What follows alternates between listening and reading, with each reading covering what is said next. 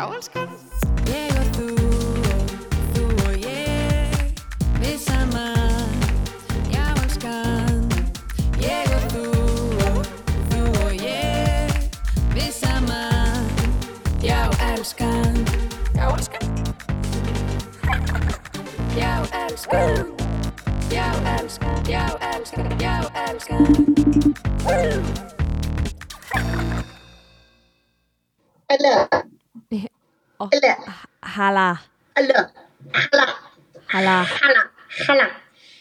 Eh, wha- what's up?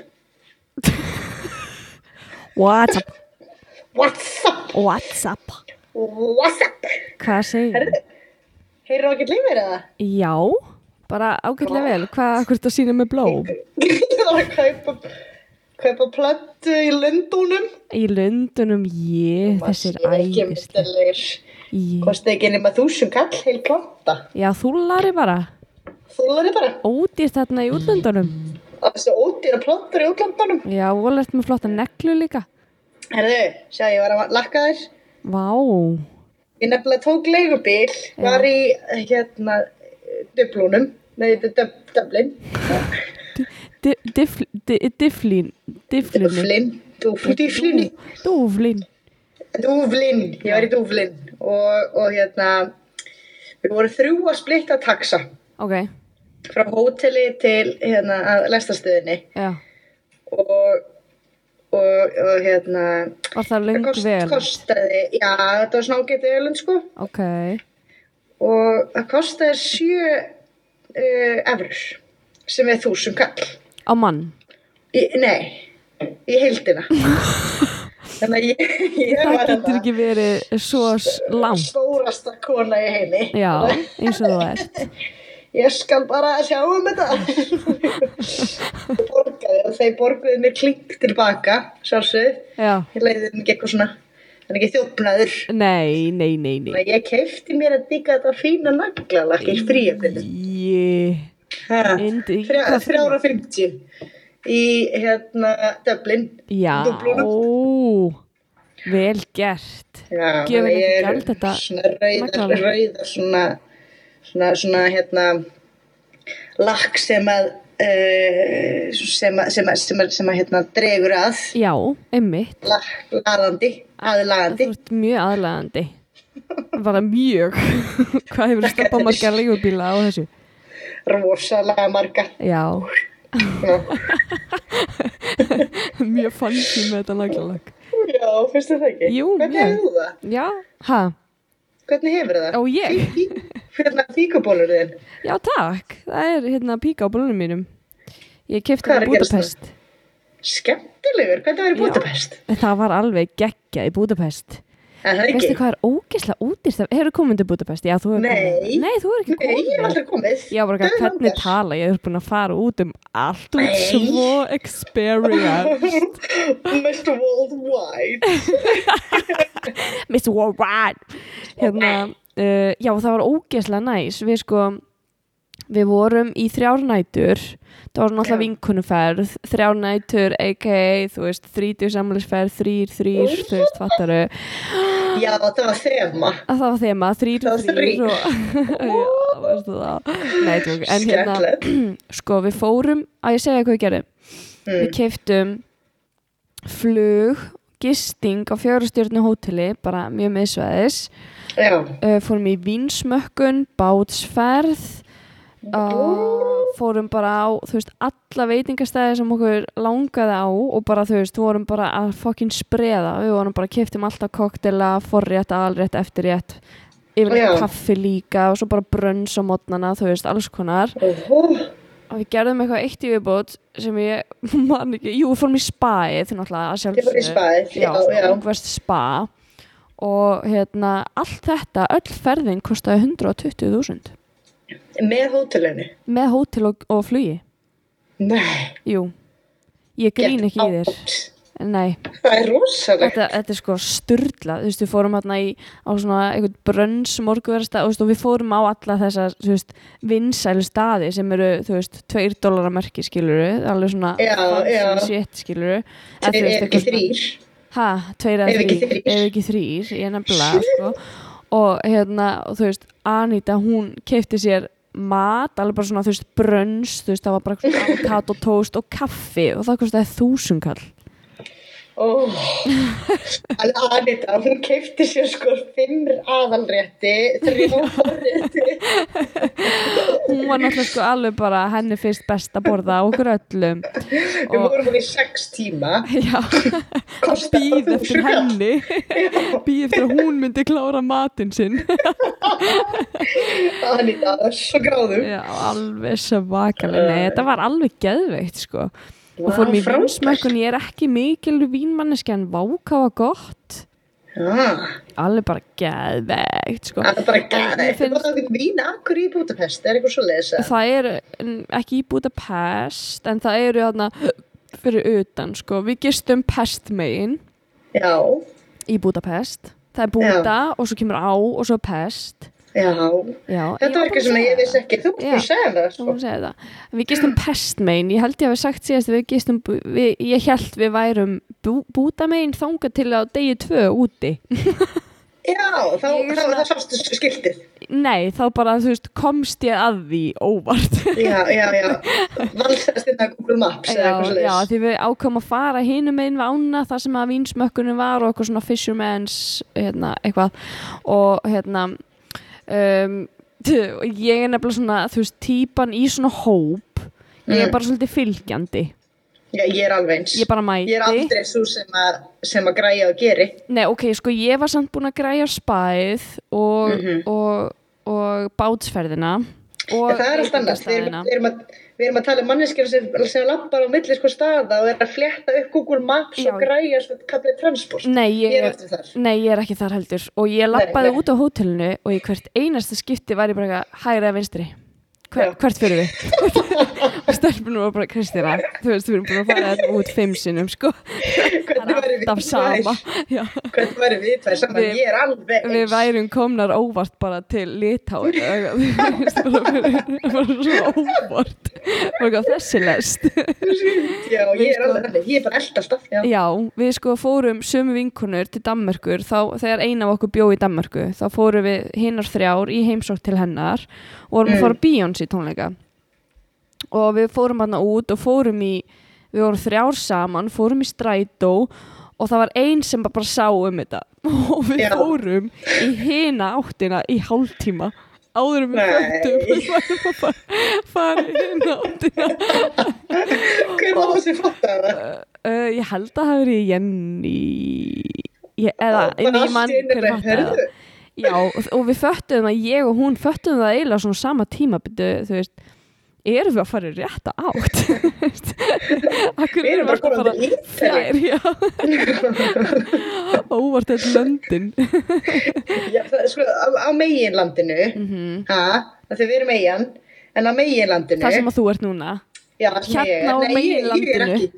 ekki, á megin, meginlandinu nei, þetta þú ert reyndar ekki að meila ég er, á, í Lund- Lundunum, já, það er rétt. Að hérna, að, að, að þá getur það reglulega gerst, að þú bara sopnar í lest og vaknar yfir landi. já, já, Það gerist ekki á Íslandi, ekki nema þú sért kannski blind, bleika, blackout fullur. já, einmitt. Þetta er flug, vaknar svo óvart Já, ég, ég er ekki að tala reynslusögu en ég hef heyrt ykkur á svona sögu. í alvörunni Já, eitthvað sem að fó fullur og keifti sér flug og vaknaði svo bara í Danmörku eitthvað. það er ríkalegt lilla þingan sem að er þá svakalegt sko Oh, ég Herri- skal ha, já.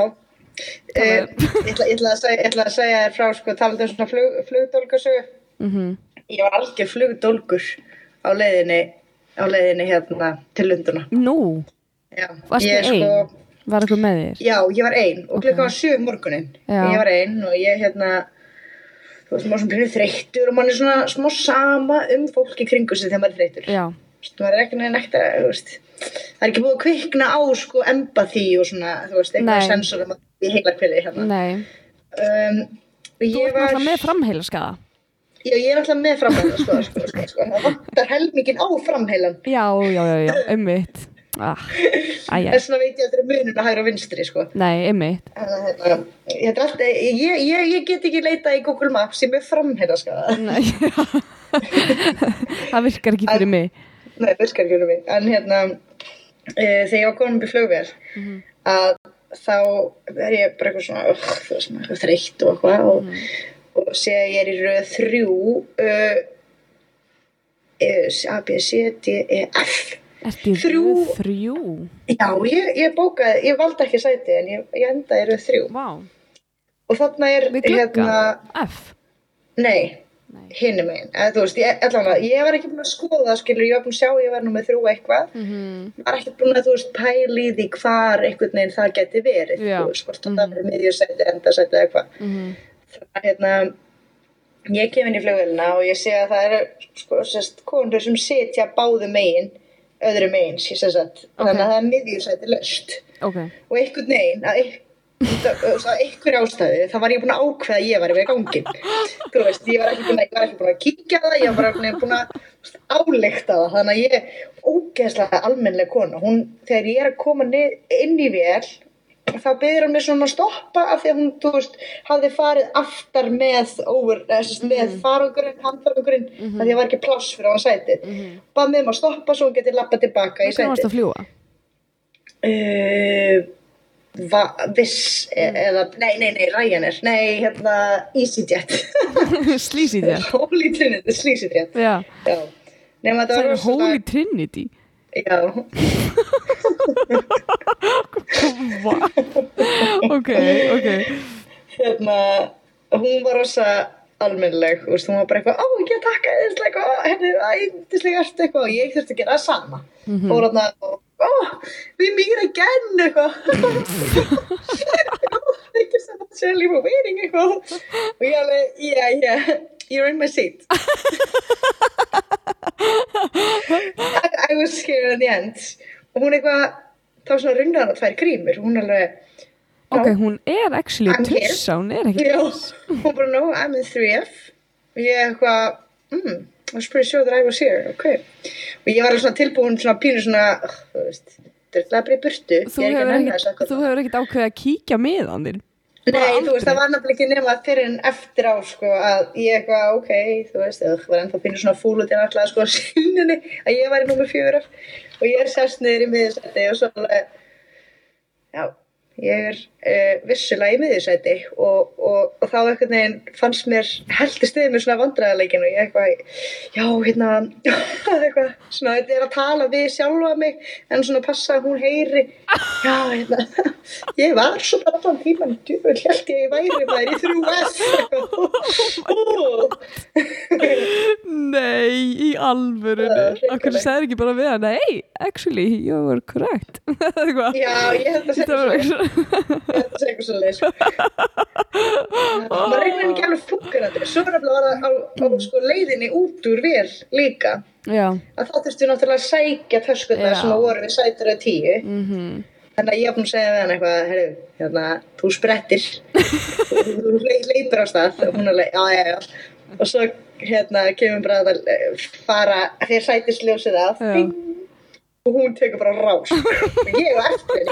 Henni á undan allir liðinu. Ég hleypi sætilast tíu. Þetta sætilast tíu, næ svona að vippa töskun út. Og meðan ég er að hlaupa upp gangin þá er svona að þjappast og myndast svona ör, örtröð á ganginum. Oh þannig að ég tek ekki ákveðin að taka töskuna og setja hana fyrir ofan haus ég er með handfarangustösku og þú veist að meðan ég er svona, svona brjótast í gegnum sko mannfjöldan í þröngu þrönga ganginu með töskuna fyrir ofan mig og svona svona excuse me, excuse me, excuse me. Nei. Bara, þú veist, ég líka svo einhver jói á hérna örkinni eða eitthvað, eitthvað. Oh Og hérna- my god og svo bara áttaði ég maður því ég sæt, við svona sætarið fimm eða eitthvað ég var ekkert að að komast áfram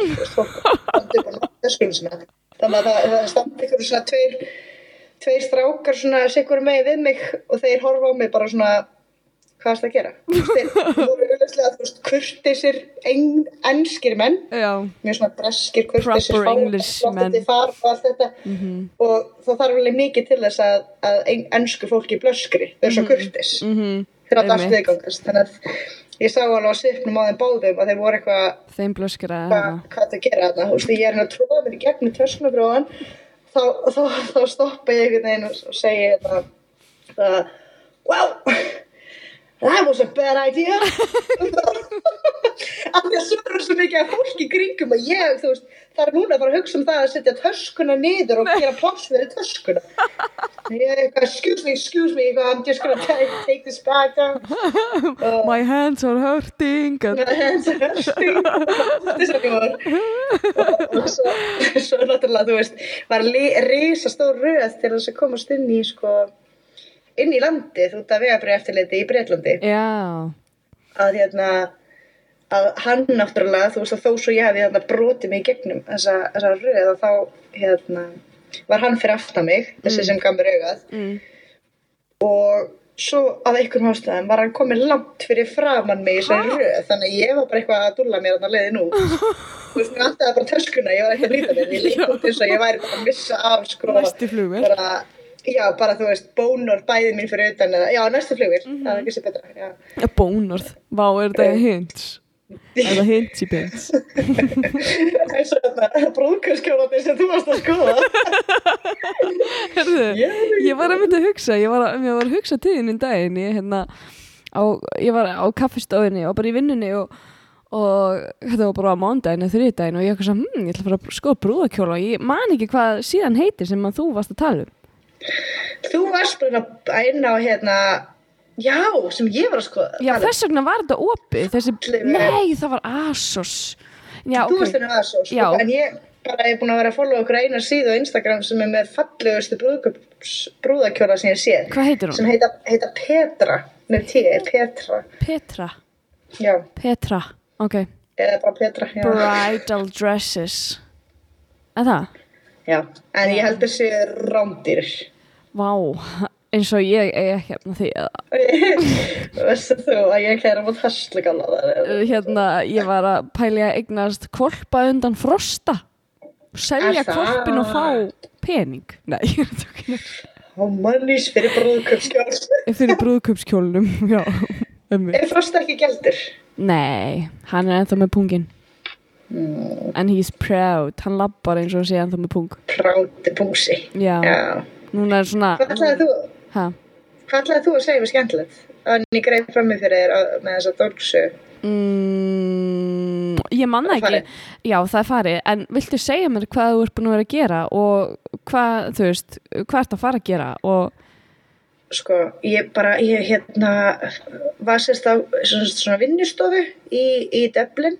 Já, þú ert búin að vera núna í vikudag. r- rúma viku, eða he heila viku.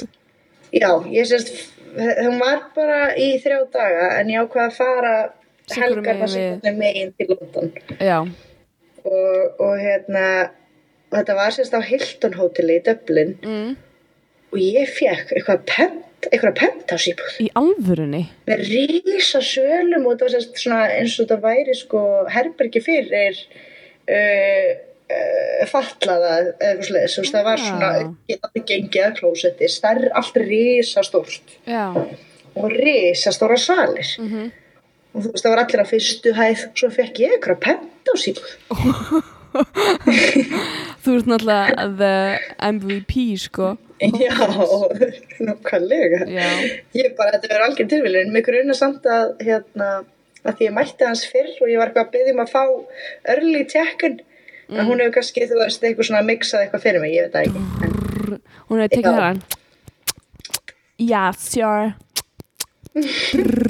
Á líklega bara hún er akkurat, þessi. og uppgreitaði já, þannig ég var bara þarna og kynntist fullt af skemmtilegu fólki og uh, þetta var svona ráðstöfna um, um svona Evropasambandsverkefni ykkur, eh, verkefni sem eru fjármögn með Evropasambandinu Já, en skemmtilegt Lærður eitthvað við ætlum ekki að í út í þá predikanar, predikarar, predika, predikarir.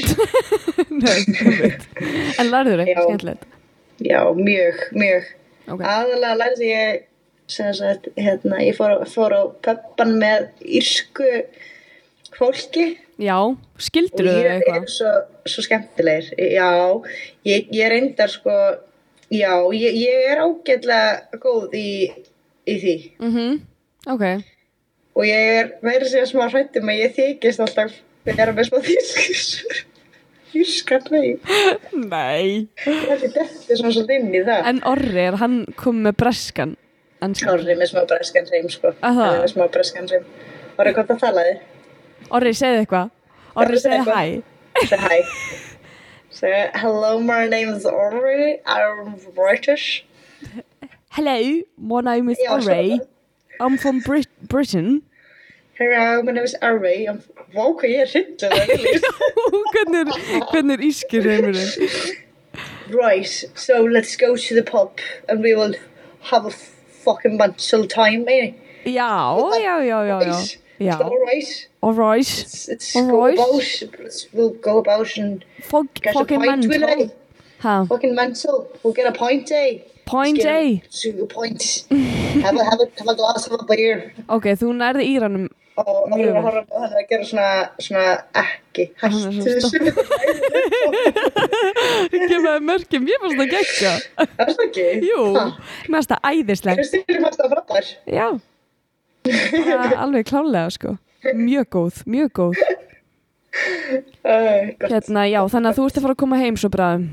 Já, og svo er ég í London núna og, og við fengum okkur mjög góða mexíkuskan mat í kvöldmatt Mm, og bara kem ég heim á mándag. já, æðislegt.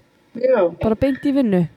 beint í vinnu sko. Ég er endur að vinna einn úti núna. Já, ekki. Það bara fínt, jú. Já, það er nú aldrei frí í þessu lífi. Það er aldrei frí sko. Nei, Maður lifir fyrir vinnuna. hvernig er, hvernig, hvernig er hérna veðrið hjá þér? Veðrið er, ó, það er svo næs að geta lappað út í jakka eða þú veist í peysu og það er bara svona svipað temperature eins og inni. Þú veist, maður það mæti mann ekki þetta, uh, þú veist eins og maður sé að lappa á vegg. Já, mhm. er alltaf. Hvorki kaldin ég heitur veggur. Já, yfirleitt bara kaldur sko, þú veist, hérna heima. Já, já, já, já. Já, já, það tekur Ekki ekki heldur of inn- heitur, of skilurðu, já, Nei, já. nei, nei, nei, nei, nei, nákvæmlega sko, það er bara mjög passlegt sko. Ó, næs, væri alveg til Það voru sko 31 gráða í Budapest Ú, Það var- það er heitt. Já, það er ógeðslega heitt Og svo bara, ha, Já, þeir eru bara svo nýlega búin að vera. Já, var- vorum bara núna í september Bara tvær helgar síðan Eitthvað Það var akkurat ná þegar hitabilgjan var. Að það? Er það ekki? Það var líka svona 30 og eitthvað þegar hitið hérna í London bara í september sama. Já, ok. Bara, já.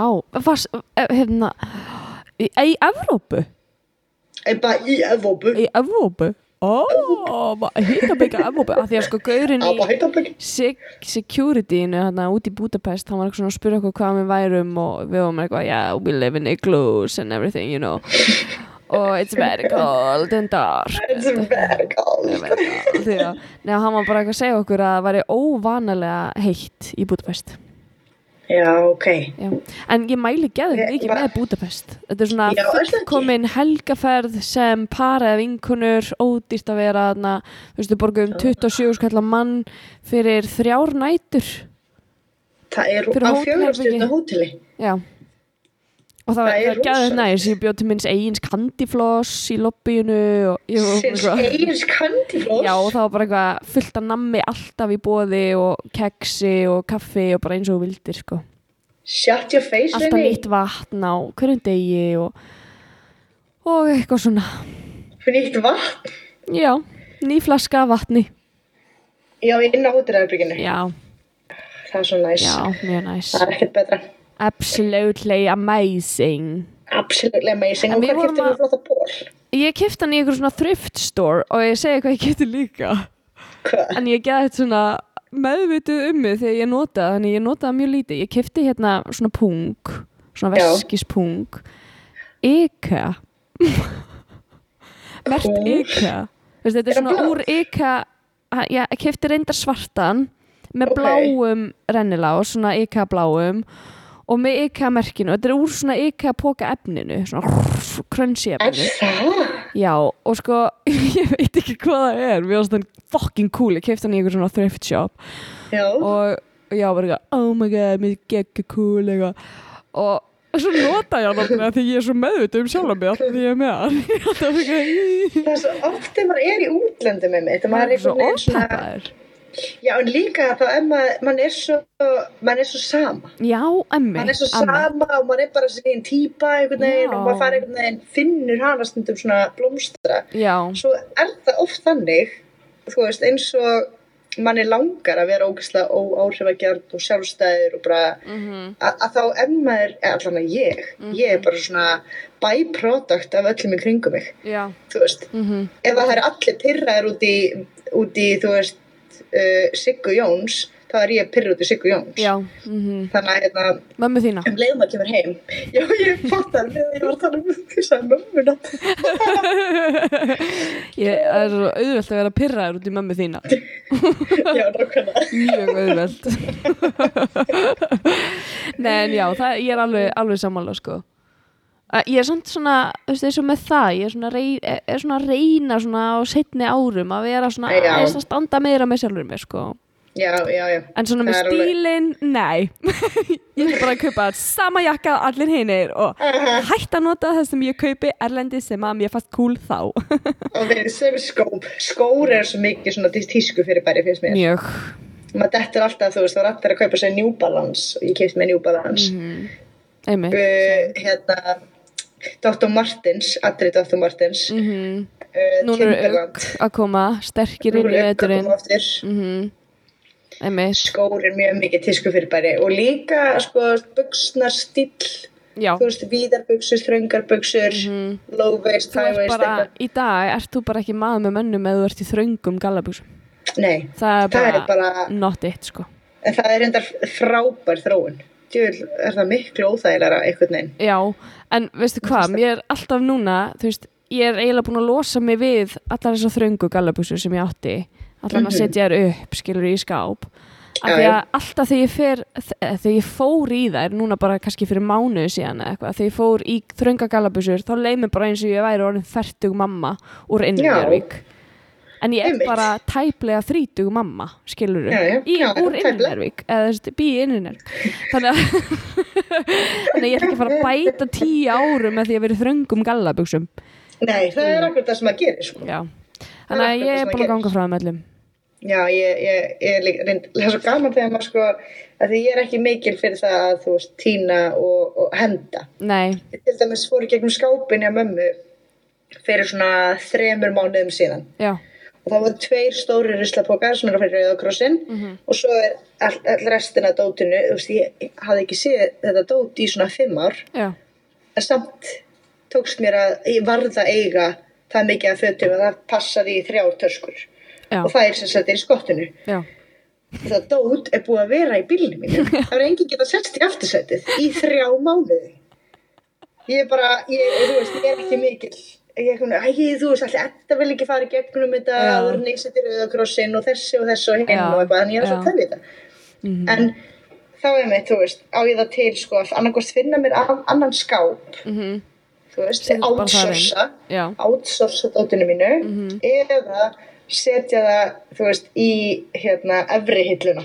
Já og einmitt, efri hillur skilur sem að maður næri ekki hvort þið er já, í. einmitt og maður kíkir aldrei í og svo svona bæti maður bara svona aðeins á þannig að dótið endar aftast einmitt í sko. efrihillunni og svo eftir, þú veist, hálft ár þá þarftu eitthvað að standa á stóla því þú þarft að sækja hana eitthvað sem að var komið aðeins og aftarlega. Já. og þá mannst eftir dótið, hei, já, það er þessi nefnilega alltaf mómenti sem að maður heldur að maður er alltaf að halda í þetta móment eitthvað svona þegar maður er eitthvað að setja þetta upp í efri hilluna. Já. og það er svo gaman eftir þrjú ár þegar ég fyrir gegnum þetta. Og þá allt í henni finn ég eina flík. Hei, þessi. og maður tekur hana niður og fyrir er aldrei í hana og setur hana svo bara aftur upp. Eftir ár. En ég er samt sko ef ég voru alveg samt svona uh, gegn gagsa í hérna ég er ógeðslega góð í að nota dótið mitt, svona flest dót. Já, og henda heim með þetta uh, nei þú veist, ég er bara svona þú veist, ég á ból inn í, inn í hérna uh, skáp sem að er kannski bara eitthvað, ég veit ekki, átt ára gamall og ég nota hann ennþá. Já, já, eða já, já, já, ég, ég, einmitt sko. Já, fullt af svona dóti sem að ég bara svona hef sett bara, þú veist, er alltaf í skápnum en er alltaf eitthvað svona pínu current, sko já, já, kemur já, alltaf stert inn eitthvað tíma einmitt sko, einmitt. Þú veist svona að fara svona já, þú góði að endurnýta og allt þetta sko, og púsla, þú ert, svolítið svona stílisti sko, Þetta er svona, nei, ég er náttúrulega alls ekki stílist ég er ekki með neitt svona þér stílisti sko. Já, en ég, ég, þetta er kannski svona kapsul wardrobe. Svona pínu p- kemur kannski pínu inn á það. Það er svona, þú veist, konsept þar sem að þú ert öll fötið þín hafa eitthvað tilgang í eitthvað, þú getur nýtt eina flík Já. á, á marga vegu, skiluru já, og bara já, búin að plana outfit og það, þú veist, ein flík passar með mörgu Herðu eins og hérna söru minna. hlýrabólarnir Já, Já, ég skil þau. Söru hlýrabólarnir sem allir, allir eiga, sem er með smá svona kassalöguðu Já. hérna ásmál einmitt í uppgöndaðan daginn að snúa þeim við. Já, Þannig að bakliðin færi fram. já og það eru Og það ógeðslega flottir í hálsmáli Já, það Þannig. opnaði á svona sjö ný átvitt. Já, þá gæti ég fara að nota skirtur og eitthvað svona cool peysur og eitthvað breytti lífið mínu. Já, ég veit það. Þetta, þetta er bara amazing, sko. Þú ert, Amazing. þú ert mögnuð. Mér finnst það alveg bara svona ótrúlegt bara, Sem vá. við segja þessi stílisti. Já, þú ert stílisti. Ég, ég er stílisti. Ingibjörg Andrea Andrea, sko. Andrea bara Andrea eða eitthvað. Ingibjörg Ég sagði- Ingibjörg. ég sagði ég sagði ég sagði þetta við Kristnei við Söru vinkunu ég alveg, herðu herðu, svo hérna Söru línabólinir Já, snúa þeim við, já. opnar fullt af nýjum hugmyndum hún er alveg, Ingberg, fólk er búið að að gera þetta í mörg á ég alveg, nú Oh my god, ég Vá. vissi það ekki.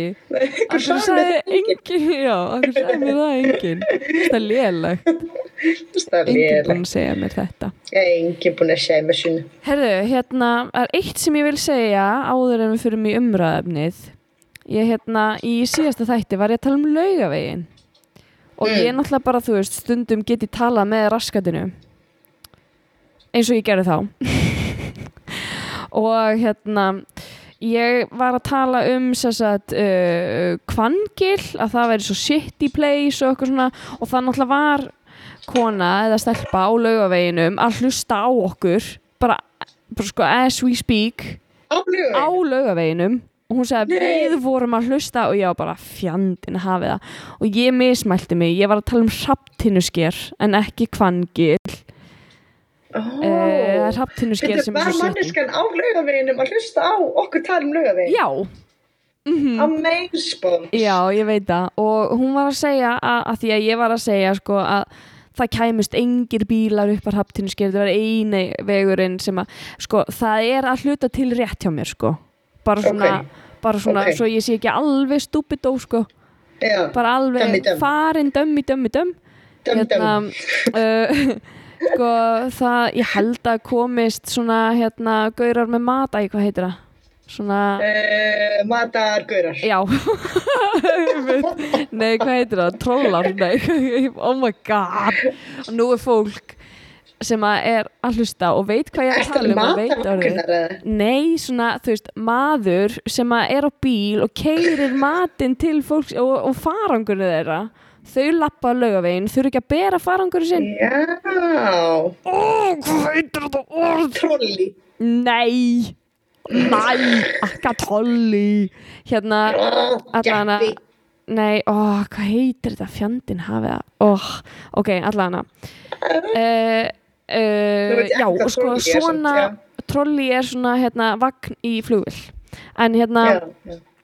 Uh, já, það komast svona mjög sér útbúnir bílar upp að hraftinuskeri þannig að kem, kemst ekki hver sem er þar. Við kemist ekki okkar bíl.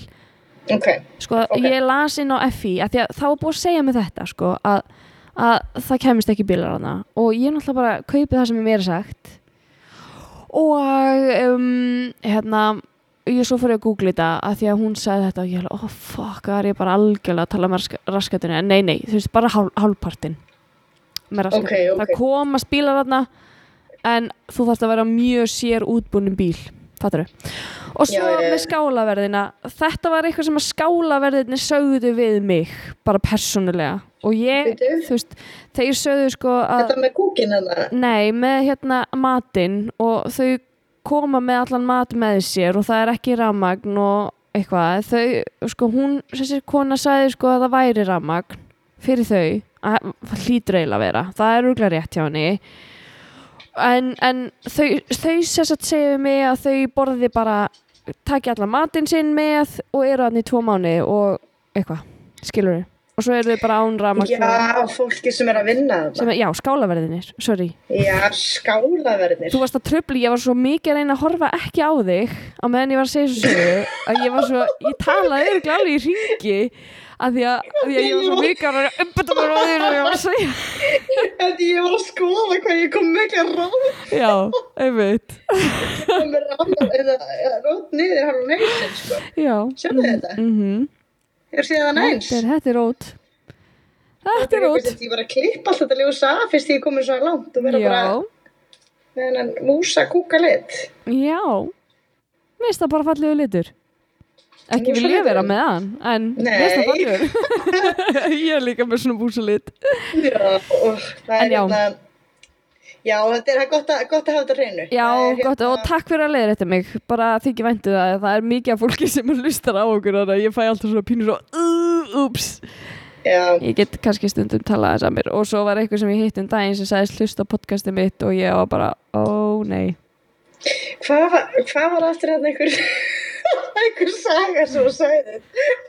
já, m- með handlegin gaurinn sem að hérna, hljópa á gler og það sprakk og fór í handlegin á honum þá bar, barst til mannsins að við værum að tala um þessu sögu eitthvað podcast að út í bæ það- og líka hérna því já og þú veist og Tómas hann var skammaður í finninni já hann var ekki skammaður en hann var eitthvað svona herru, varst þú að segja Kristjánu sem sögu? það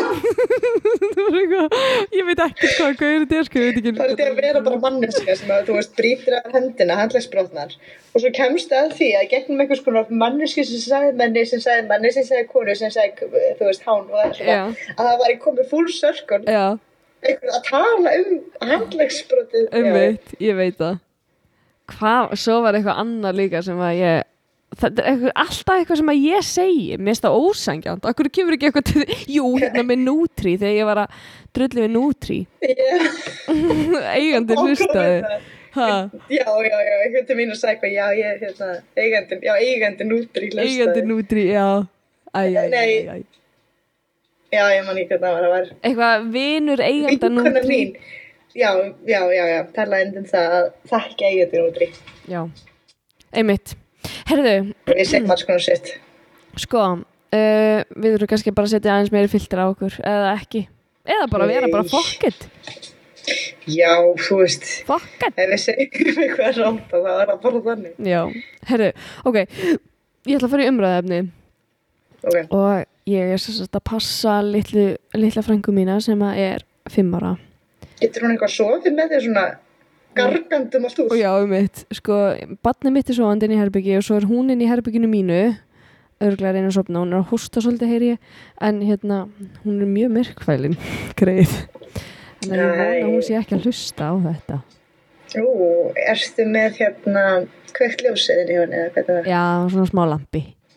Nei, ég var að pæla í, þú veist er þetta ekki svona eins og með hyggsta þú veist, ef maður skilur ef maður hyggsta og maður bregður mannski ég var svona í að ef ég myndi koma inn til hennar með grímu það er það svona reversible þú getur líka sko endur gert þarna ringatriðið, þú veist. og ég myndi það vond Eða, eða getur sett sko svona baby monitor inn til hennar. Hvað er hún gömul? fimm ára Settu baby monitor inn til hennar og segja hennar I know what you did last summer. Já, I will find you and I will kill you. I see you. Oj, segja bara íslensku. Hvað er hún, ég, ég ætla ekki að láta þig segja þetta upp átt, en hún er, hún er terrified já, við argentætu. akkurat. Já, Þú mátt ekki segja þetta upp átt, bara nei.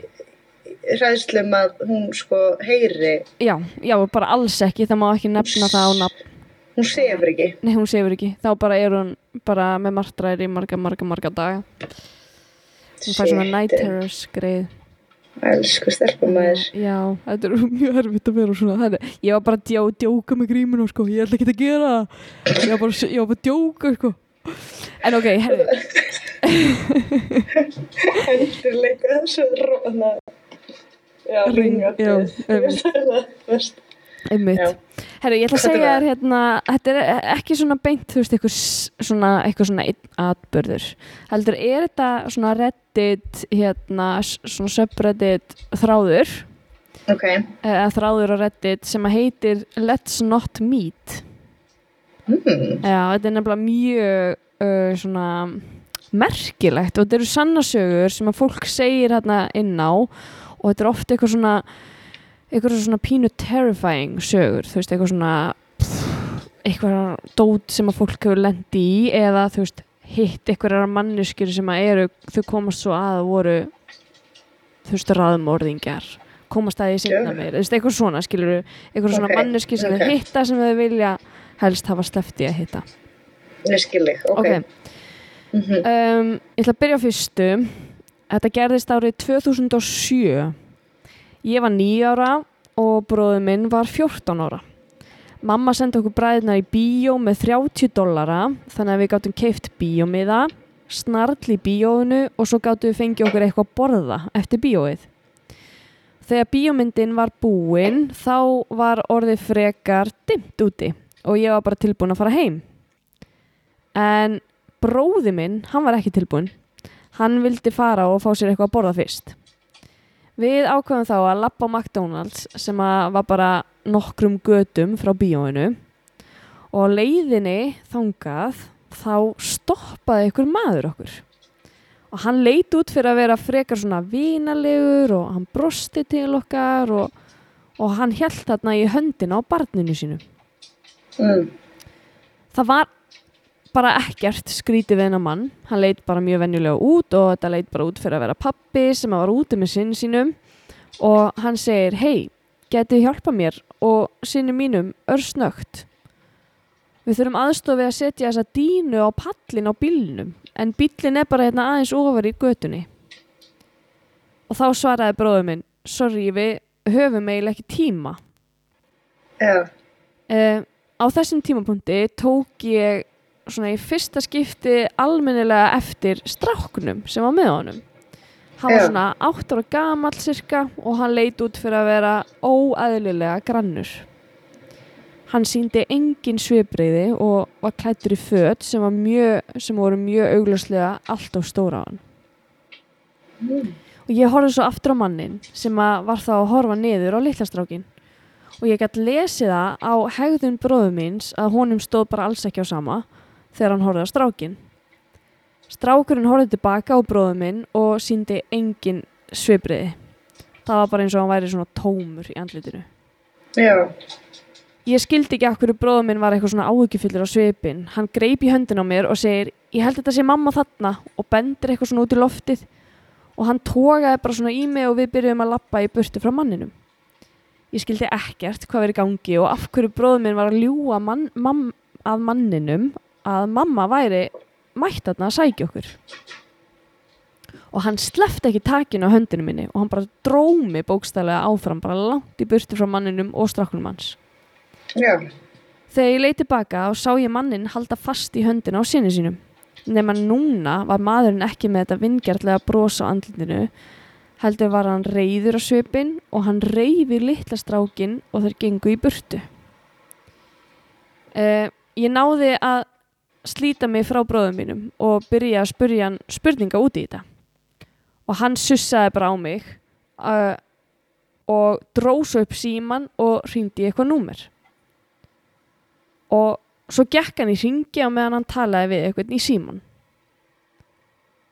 Ég man svo eftir því að laurugla mætti á svæði nokkru mínútu setna og löggan fór með mig heim en bróður minn var eftir með löggunni.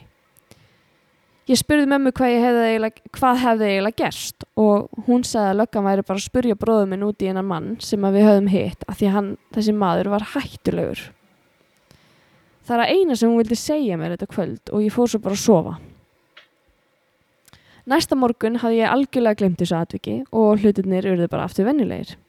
En það var ekki fyrir, en, uh, fyrir nokkrum dögum síðan, sagt á þessu ári, sem að þessar minningar dúkkuðu upp í hausnum á mér.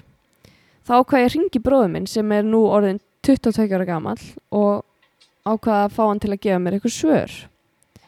Þegar ég nefndi atviki við hann, þá loksins gaf hann mér þær upplýsingar sem ég var að fiska eftir þetta umræta kvöld. Og nú þegar ég veit hvað var í gangi, þá skil ég hvað þessi hittingur var raunverulega hættilegur og hræðilegur.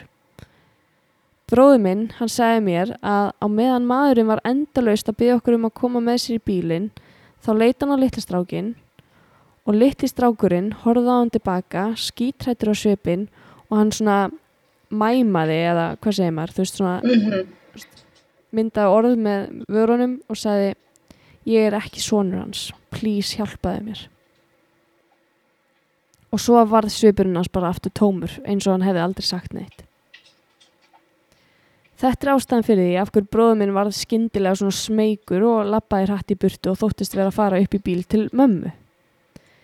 Þegar hann ringdi á laurugluna þá fór löggan strax á stað og hann lísti manninum fyrir löggunni eins, og, eins vel og hann gatt. Löggan átti mjög rætt með að gera eitthvað í málinu af því þessar upplýsingar sem hann þeim bara dugði ekki. Við höfum ekki einu sinni sé bílinn sem að maðurinn átti að hafa átt. En síðan sagði bróðið með mér að nokkrum vikum eftir þetta umræta kvöld fannst strákurinn látin í skogi þar sem að líkinu hans hafi bara verið hent þar og skilið eftir. Nei. Dánarorsök voru vannæring og vökvaskortur. Ef ég og bróðið minn hefum farið með þessum ógeðskalli þá hefðu við líklega ekki verið það sem við erum í dag, heldur döðir. Hann gætt augljóslega ekki rænt okkur báðum í einu af því að bróðið minn var alltaf, fyrst, þegar vorum litlir, frekar stór og, og sterkur.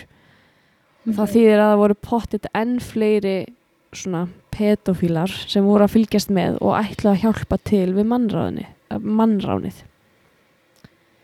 Því miður þá náðist þessi maður aldrei en það er fyrir víst að hann var allavega ekki pappi stráksins.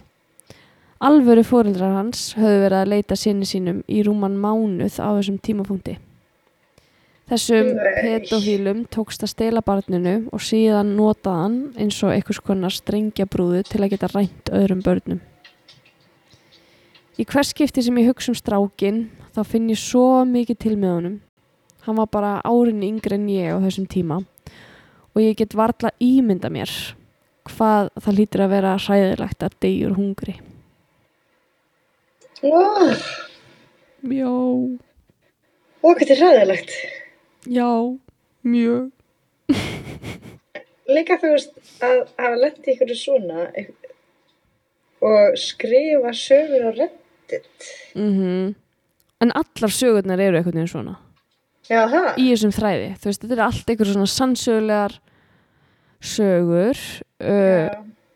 Eða sannar sögur sem að fólk segir af fólki sem að hefur óvart hitt en komist í rauninni í burtu eða skilur, þú veist Einmitt, þú veist, að pæ- pældi ég að þú veist, lenda í ykkur svona mm og, og svo bara, þú veist, er er þetta í fréttum en þetta er gleymt og grafið Mhm. og þú veist, reyna ekki með neitt átlett til þess að segja frá þessu.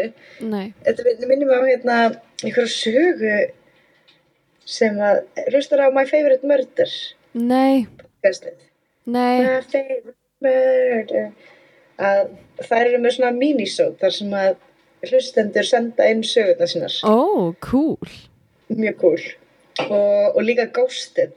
Það eru þú veist, það er hérna uh, svona hlustundarsögur um, um draugaupplifanir. En þetta er þú veist svona mótsögur frá heimatam Já. bæ, bæðum og það var einhver sem að hérna frá Íslandi frá Austfjörðum. Þetta er sko örgulega eitt af frægustu podcastum í heimi. Ég er ekki svo smá að Murder, þetta er bara, þú veist, efstu á öllum listum. Mm en, en hérna það var einn sagan, ég var bara að hlusta okkur þátt sem var frá Östfjörðum og þá var einhver Astfords Öst, eða þá Östfjörðs þá var einhver að segja sko að hún hafi, þegar hún var lítil þá uh, vaknaði hún við, nei, nei þá hérna, já, sérst hún bara vissi ekki, eh, mamma hennar hafi sérst sagt henni þess að sögu þegar hún var eldri að þegar hún var lítil þetta hafði einhver, einhver maður lappað inn í húsi þeirra lappað inn í barnaherbyrgið tekið hana upp meðan hún var bara unga barn og lappað út. Og mamman var úst, inn í eldursi eða eitthvað og sér bara mann lapp út úr húsinu með barnið. Oh og hleypur eftir honum eða ég man ekki alveg hvernig þessi saga var nákvæmlega. Ég er með gæsahúð. Já, Shit. Algjörlega random manneska sem bara kemur, tekur barnið og komið langleðin út sérst komin út og, og langleðina bara að að bara lukka að mamman skildi að það séði þetta sko. Oh my god. Mm Vá, Jésús minn.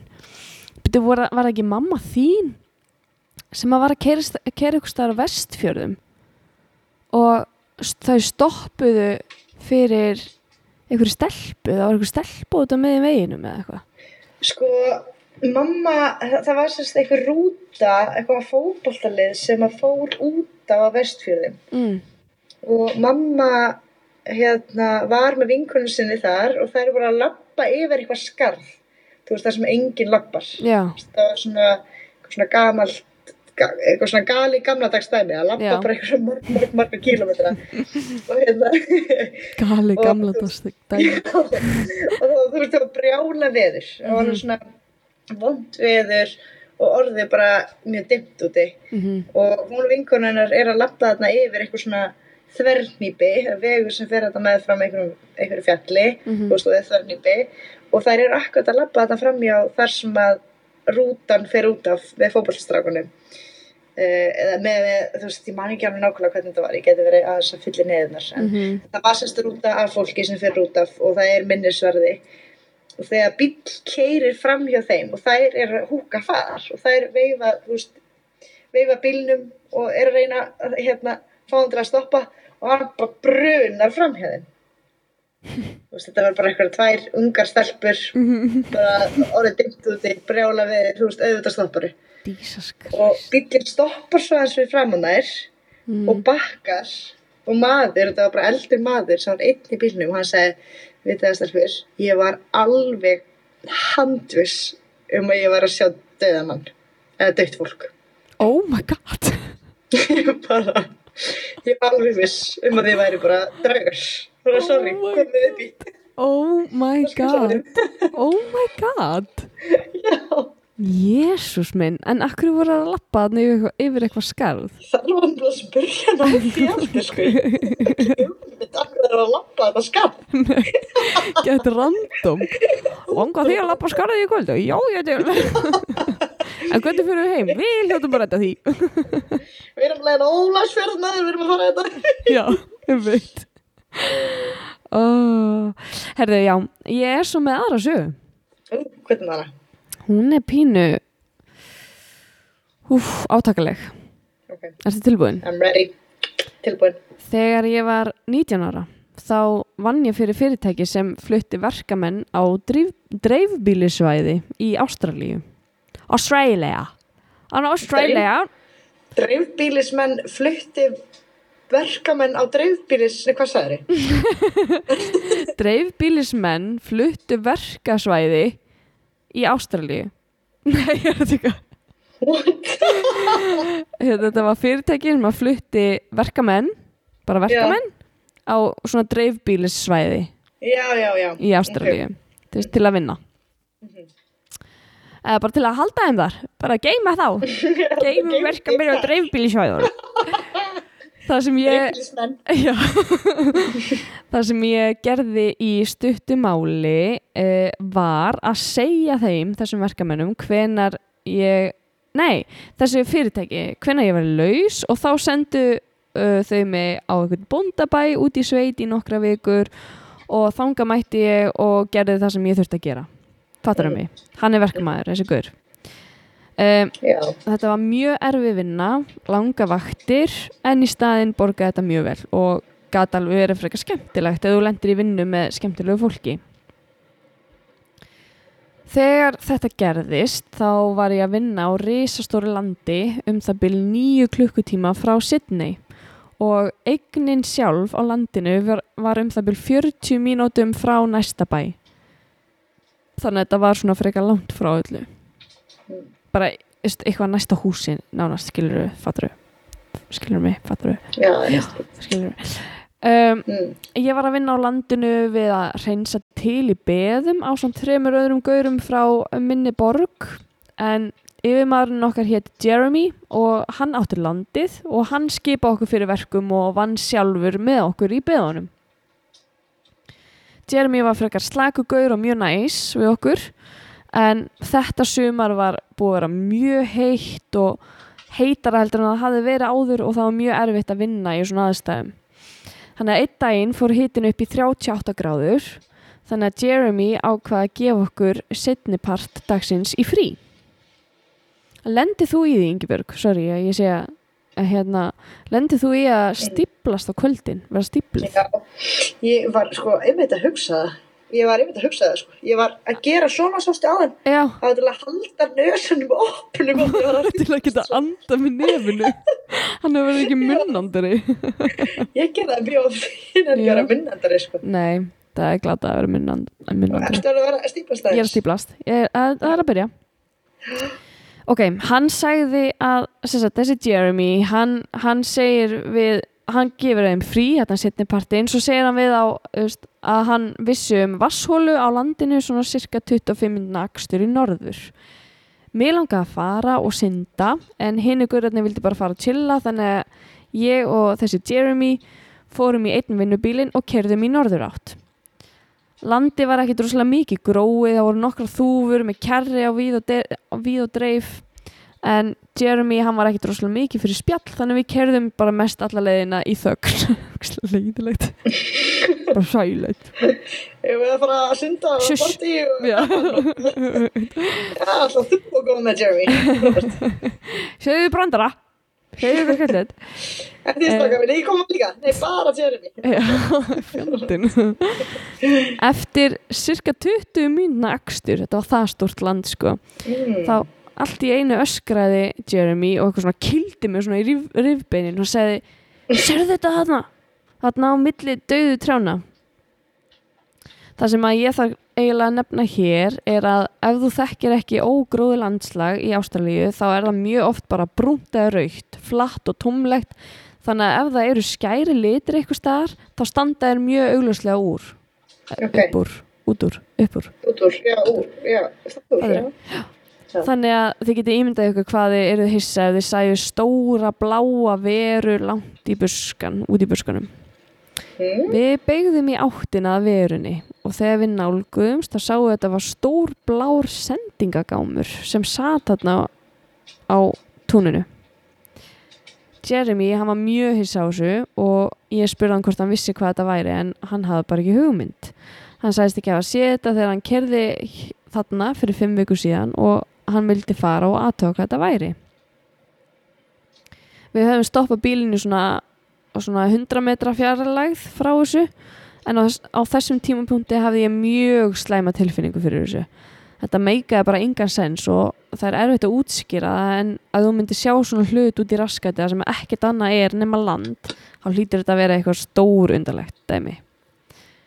Jeremy hann vildi hins vegar bara drífa sig og skoða þetta sem að ég skildi alveg að því að þetta var jú hans land en ég var bara frekar stressaður yfir þessu Þegar við nálgumst gáminn þá urðu hlutirnir ennþá furðulegri. Það var risastór svona rafall eða eitthvað svona díselvél sem heyrðist mikið læti í fyrir utan gáminn og svo var, voru eftirlitsmyndavélar sitt hverju megin á gámnum. Ó, nei. Allar myndavélarnar voru með hreyfiskinjara þannig að þær færðust til og eld okkur hvert sem við fórum. Ói. Ég reyndi að sannfæra Jeremy að fyrst að væru eftirlitsmyndarar allstaðar þá eru augljóslega ykkur sem að vill ekki hafa okkur hérna og ykkur að fylgjast með okkur en hann hunsaði mig bara og myndi mig á að hann væri eigandinn að þessu landi og sá sem sett einan gám hér væri að gera það í leifisleysi. Jeremy hann vildi fara inn í gáminn og skoða. Þrátt fyrir allar eftir, eftirlitsmyndalarnar þá var aðeins einn pínulítill lás á þessari risastóru hurð að gámnum. Við vorum með klippur í verkfærisettinu okkar í bílnum og eftir smástund þá náðum við að brjóta lásin og komast inn í gáminn. Það fyrsta sem ég tók eftir þegar við löpuðum inn var þetta ískalda loft sem var inn í, inn í gámnum. Það var loftkæling inn í já. Við leituðum að rofa til að kveikja á ljósunum en ég sá strax að þetta var einhvers konar tölvugámur svona IT-gámur af því að það voru rauð blikkandi ledljós út um allt og maður heyrði í viftum eins og í tölvum. Þegar við náðum svo loksins að kveikja á ljósunum þá sáum við mjög vel skipulagt skrifstofu setup. Á veggnum voruð harði diskar og stærfið mínibari, snúrur og alls konar tölvu tengt dót og svo voru plastkassar á veggnum lengst í burtu frá okkur og nokkur skrifborð með tölvum, skjáum og skrifborðstólum. Á þessu stímálsins leiði mér eins og ég var í draumi sem að meikaði bara enga sens.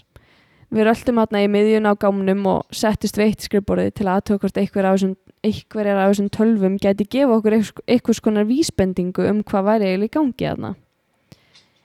Hjarslátturinn jógst, ég var orðin frekar stressaður og mér langaði bara að hlaupa út.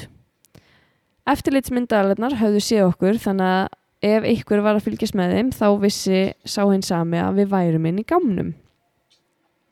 Hins vegar var Jeremy ákveðin í að við myndum komast til botts í þessu máli þannig að ég herti mig bara og ég fór að leita í tölvunni að eitthvað skona vísbendingum.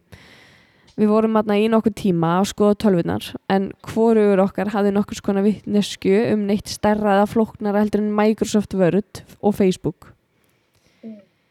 Ég gafst loks upp á tölvunum og gekk í hérna áttina á gámnum þar sem allir plaskassannu voru.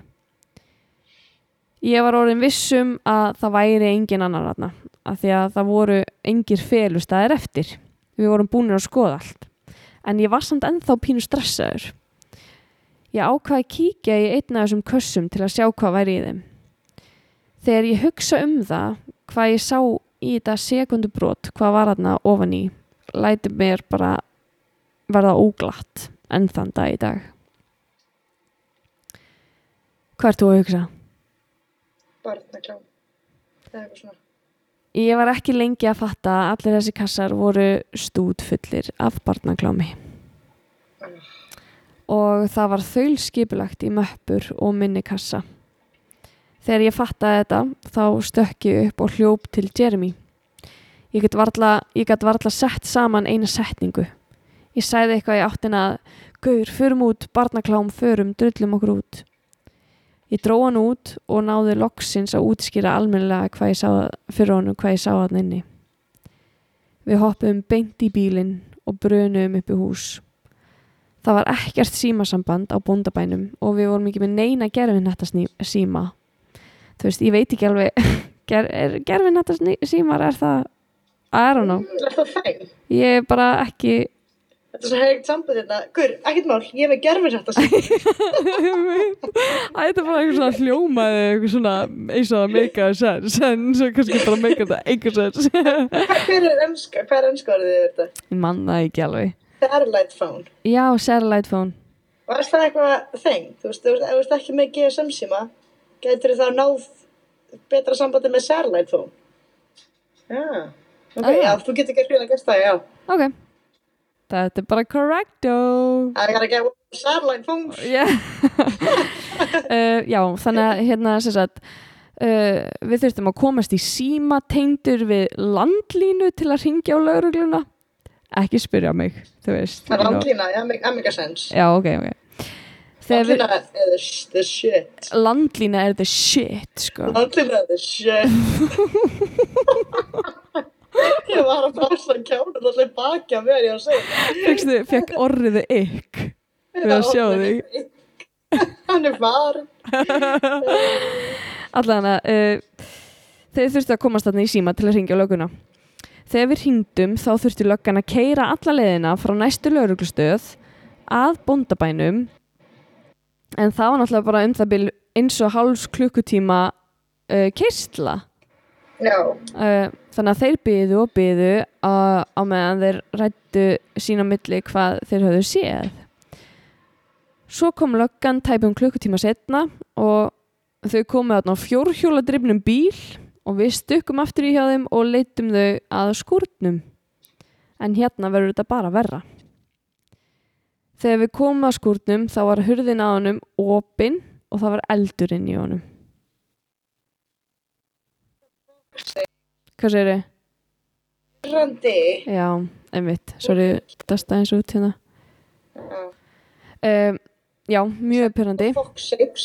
Já, það voru bara tvö lítil slökkvitæki í bílnum sem að gerðu ósköp lítið. Það tók slökkviliði klukkutíma að koma á staðinn og, og þá hafði eiginlega allur skaðinn verið skeður. Brunaskísla lögreglunar innihjalt engar upplýsingar eða neyn sönnunagögn úr tölvunum, néljósmyndunum eða blöðunum sem við sáum aðna inni. Þetta þýðir bara að sá sem átti skúrin og sáum þetta allt vissi að við vorum aðna inni og hafði dágóðan tíma til að fjarlæga það sem þurfti og flýja svo vettvang. Það voru nokkrar útkomulegðir af lóðinni og hún var náttúrulega risastór þannig að það var eiginlega ekki sjans að rekja slóðir manneskunar. Uh, Fokk. Já, eftir þetta þá fylgdi ég þessu reglulega eftir uh, og hafði samband við lögguna en ég fekk alltaf sömu svör, það var ekkert hægt að gera. Það voru engin sönnunagögn eða neinar vísbendingar um ferðir manneskunar eða fólksins þannig að rannsókninni var að lokum hætt. En ykkur hefur þurft að vera nógu nálægt til að sanna hvort kveiki í þessu eða vera búin að setja upp eitthvað svona búnað sem að kveiki í þessu sjálfveist eða eitthvað. Akkurat, já. Ok, Detective Ingeborg.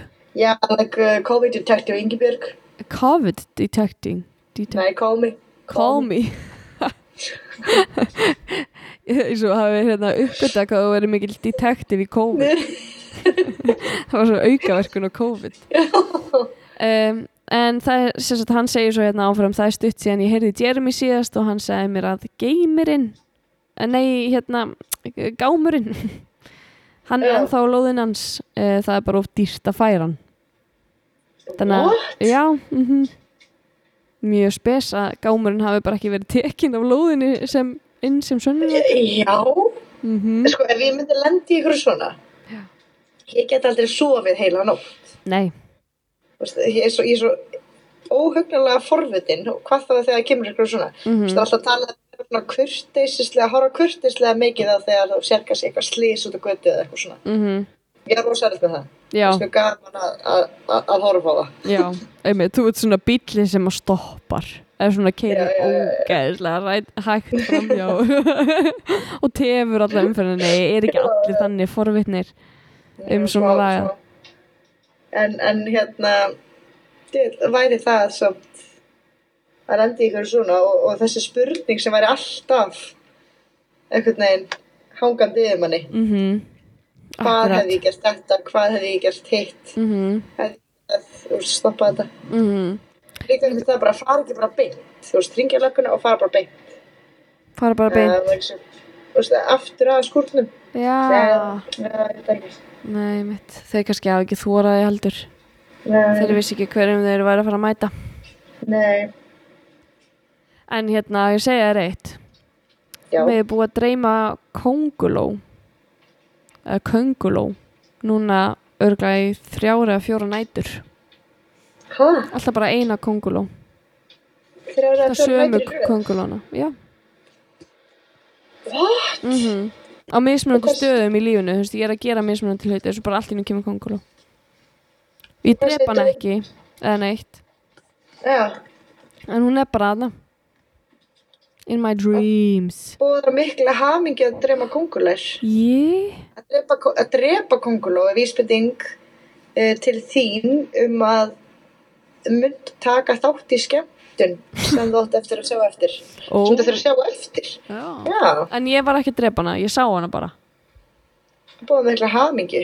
Nei, draumur, draumur.is. Ætli ég verði ólétt? Nei, er það, er það í myndinu eða? nei Er Það ekki, Ekki viljandi allavega ekki viljandi. Ó, nei Nei. En þú ert mætt eftir á flow appið eða hvað? Nei, ég er með líkuna Eða svona leikki. Já, þannig að það ætti eiginlega að vera nánast engin sér sko Það minni líkur allan, en ég er, ég er sjálf ég er lappandi og talandi hérna, lykkjubat sko hann að Ertu? já, elska mín ég er bara já, já, já, Ætliði fóreldræðinni bara eignast tvo stráka þá? Nei, stopp? ég vildi ekki eignast þriða barni alveg strax, átti ekki að koma strax sko. Það eru bara fimm ára millir mín og eldri bróða minns. Þannig að, Eru samt fimm ára millir þín og Bjarna? nei, Jónssona, Já, en hann er Bjarna? eldri, uh, þrjú ár. 91. Já. Þannig að þeim fannst þetta orðið ansi þétt sko að vera með þrjú börn undir fimm ára. Já, já. Það er ekki, það er ekki svona ideal kannski en, en ég meina þau eru ennþá saman í dag, við erum alltaf bara svo frábær sískinin sko að bara, þú veist, við erum bara Miklu algjörlega sko. Miklu hafingja. svo mikil hafmyggja sko. Miklu gleði gjafar, sko. Já, já, já, já, já, nákvæmlega svo náttúrulega bara eins og og prinsessa. sko. Já, náttúrulega bara já. ein prinsessa hann í lokin, sko. Það er svona með þessa prinsessu, sko. Það er svo prinsessu, sko. Það er líka einstaklega vel gefið fólk úr keflaðik. Já, alveg klár, ég er náttúrulega úr. Njarvík upprunalega, sko.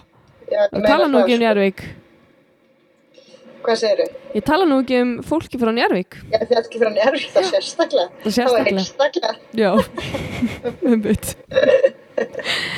Nei, já, þannig að, nei, nei, ég veit ekki, ég er einstaklega mikil hamingja, það verður skemmtilegt að sjá hvað það er. Kannski hvort, Já. Þetta búa mér til hamingjuna. Spætir þetta eitthvað stæðar sem ég get séð hann? Spider, já, hann er hérna við lappinu mín og vilt sjá hann. Já, sýndi við spærir. Frozen. Spider, hvað du? Frozen. Spærir. Spærir. Frozen. Toga í hann, sko. Hvað, vil hann ekki sjá þig? Settu, settu hérna heyrnutólið á hann. Æ, ég er svo kallum. Sjárir ykkur. Þegar þú ert að tala, við- að spærir. Það er hann. Hæ. Hæ, Frosti. Hæ. Hæ, kallum minn. Hæ. Hæ, Frosti. Hæ, spærir.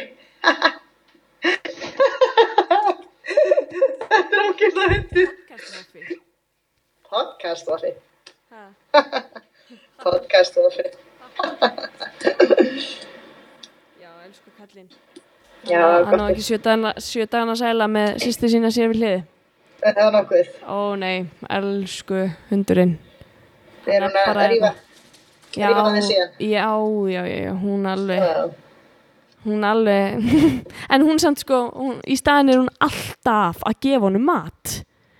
Já, það. Já, hún er alltaf að henda á gólfi til að gefa honum, eða þú veist, ef ég- henni, alltaf þegar hún vill ekki meir, þá lætur hún alltaf hann fá matinn sinn.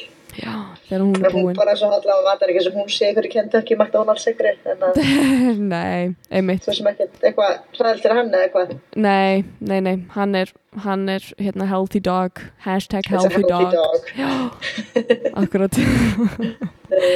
Já, herðu, Já, já, að fara að hætta þessu rugli. hættum þessu rugli Hættum þessu rugli, takk Ég er að fyrir. bælja að henda mér på sofa og ég var að byrja að horfa á Friends Já, hefur þú aldrei hort á Friends? Nei Ertu ekki að grínast? Ég var þetta svona einn og einn þátt Örgulega þú veist Get talið á, á annari hendi sko Oh my god, welcome. Oh, Já, you're in for a treat. Ég Ég var að byrja Friends. fyrsta þætti Ég var að fyrsta þætti í gær Ok, en gaman, ég hlakka til að spjallum Friends við þið. Já En þú alltaf að horfa nýju seríun á, sex, Education Ert þú búinn? Já, hún er búin Ég er búin með hana Aha, Ertu ekki búin að sjá hana? nei. Er þú Þú skemmtileg? verður að horfa á hana Hún er ótrúlega skemmtileg Ok. Frábær Er hún þættir. good? Já, þetta er algjört fílgút Ok. Hefur ekki séð hérna tvær? Nei. Mælur með Ok. þeim líka. Já, þú verður Er fákvæmst þetta ekki pólsku þættinir? Nei, þetta eru Nei. breski þættir Ó, og þú verður að horfa á það. Ok. Þeir eru frábærir. Orri, hérna, aðal leikarin, hann býr hérna í Dalston í London. nei. Orri, Orri hitt hann hérna niður í M&S bara sem er byggtir neðan húsið hans. Í Hann eitthvað alvörunni? Kannaði svo hann, svona leipitið, þeir eru leikari með þeir svo bara Oh my god. úr, úr sex education. Oh my god. Fekk hann eina Hlustaðu. dráðin. Nei, hann skallan. Hey man, I'm a big fan. Ég Skallan. Æ, hann er bara alltaf því að vera svo ógíslega gladur þú áður til að er svo Það er svo spennt hér spennt Já, um mitt. Já, herri, æðislegt. Ég ætla að fara að horfa á það. Já, Já. do it, algjörð fylgút Já, já, uh, hlakka til að fá þig heim. hlusta.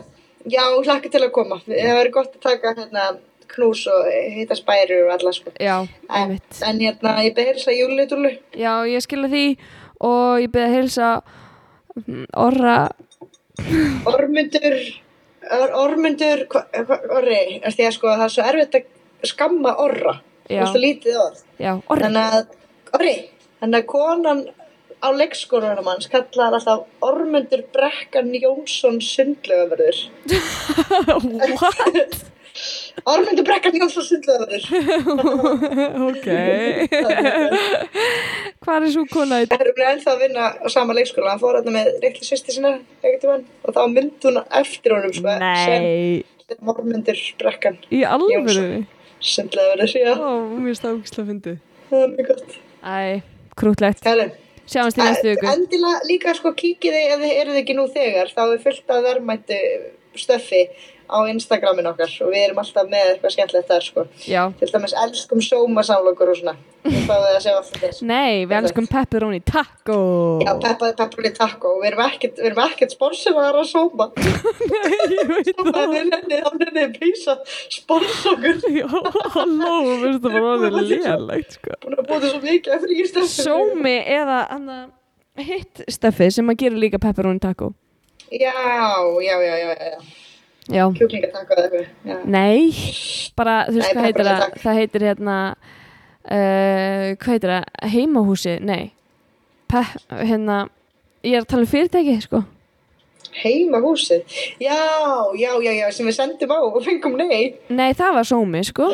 Það var sómi. já, hann hérna hann hérna, hvað heitir hann? Hann hérna Bjarni, hvað heit hann?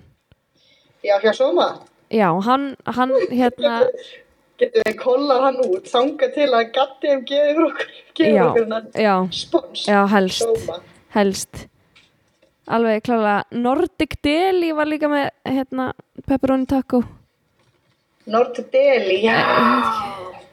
Herri, ég er alveg, ég er að finna þetta að byrja aðeins, nei, ok, oh, ég kemst ekki ná, þú þarft að, að þetta um, Þannig að ég er sko með hérna Já, þú ert með þess að símanúmer þitt í Instagramið og allt þetta þannig að þú þarf alltaf að þetta geta mig. Já, mhm. Æja, herri, Svona er þetta. Við erum þetta betur tíma, ég held hann heiti Bjarni, ég held að rétt hjá þér. Bjarni, það varst að hlusta, hjá Sóma. Já. Sponsors. Já, Ok. Ok, ok. Heyrumst Sjáumst. Ok, bye. Bye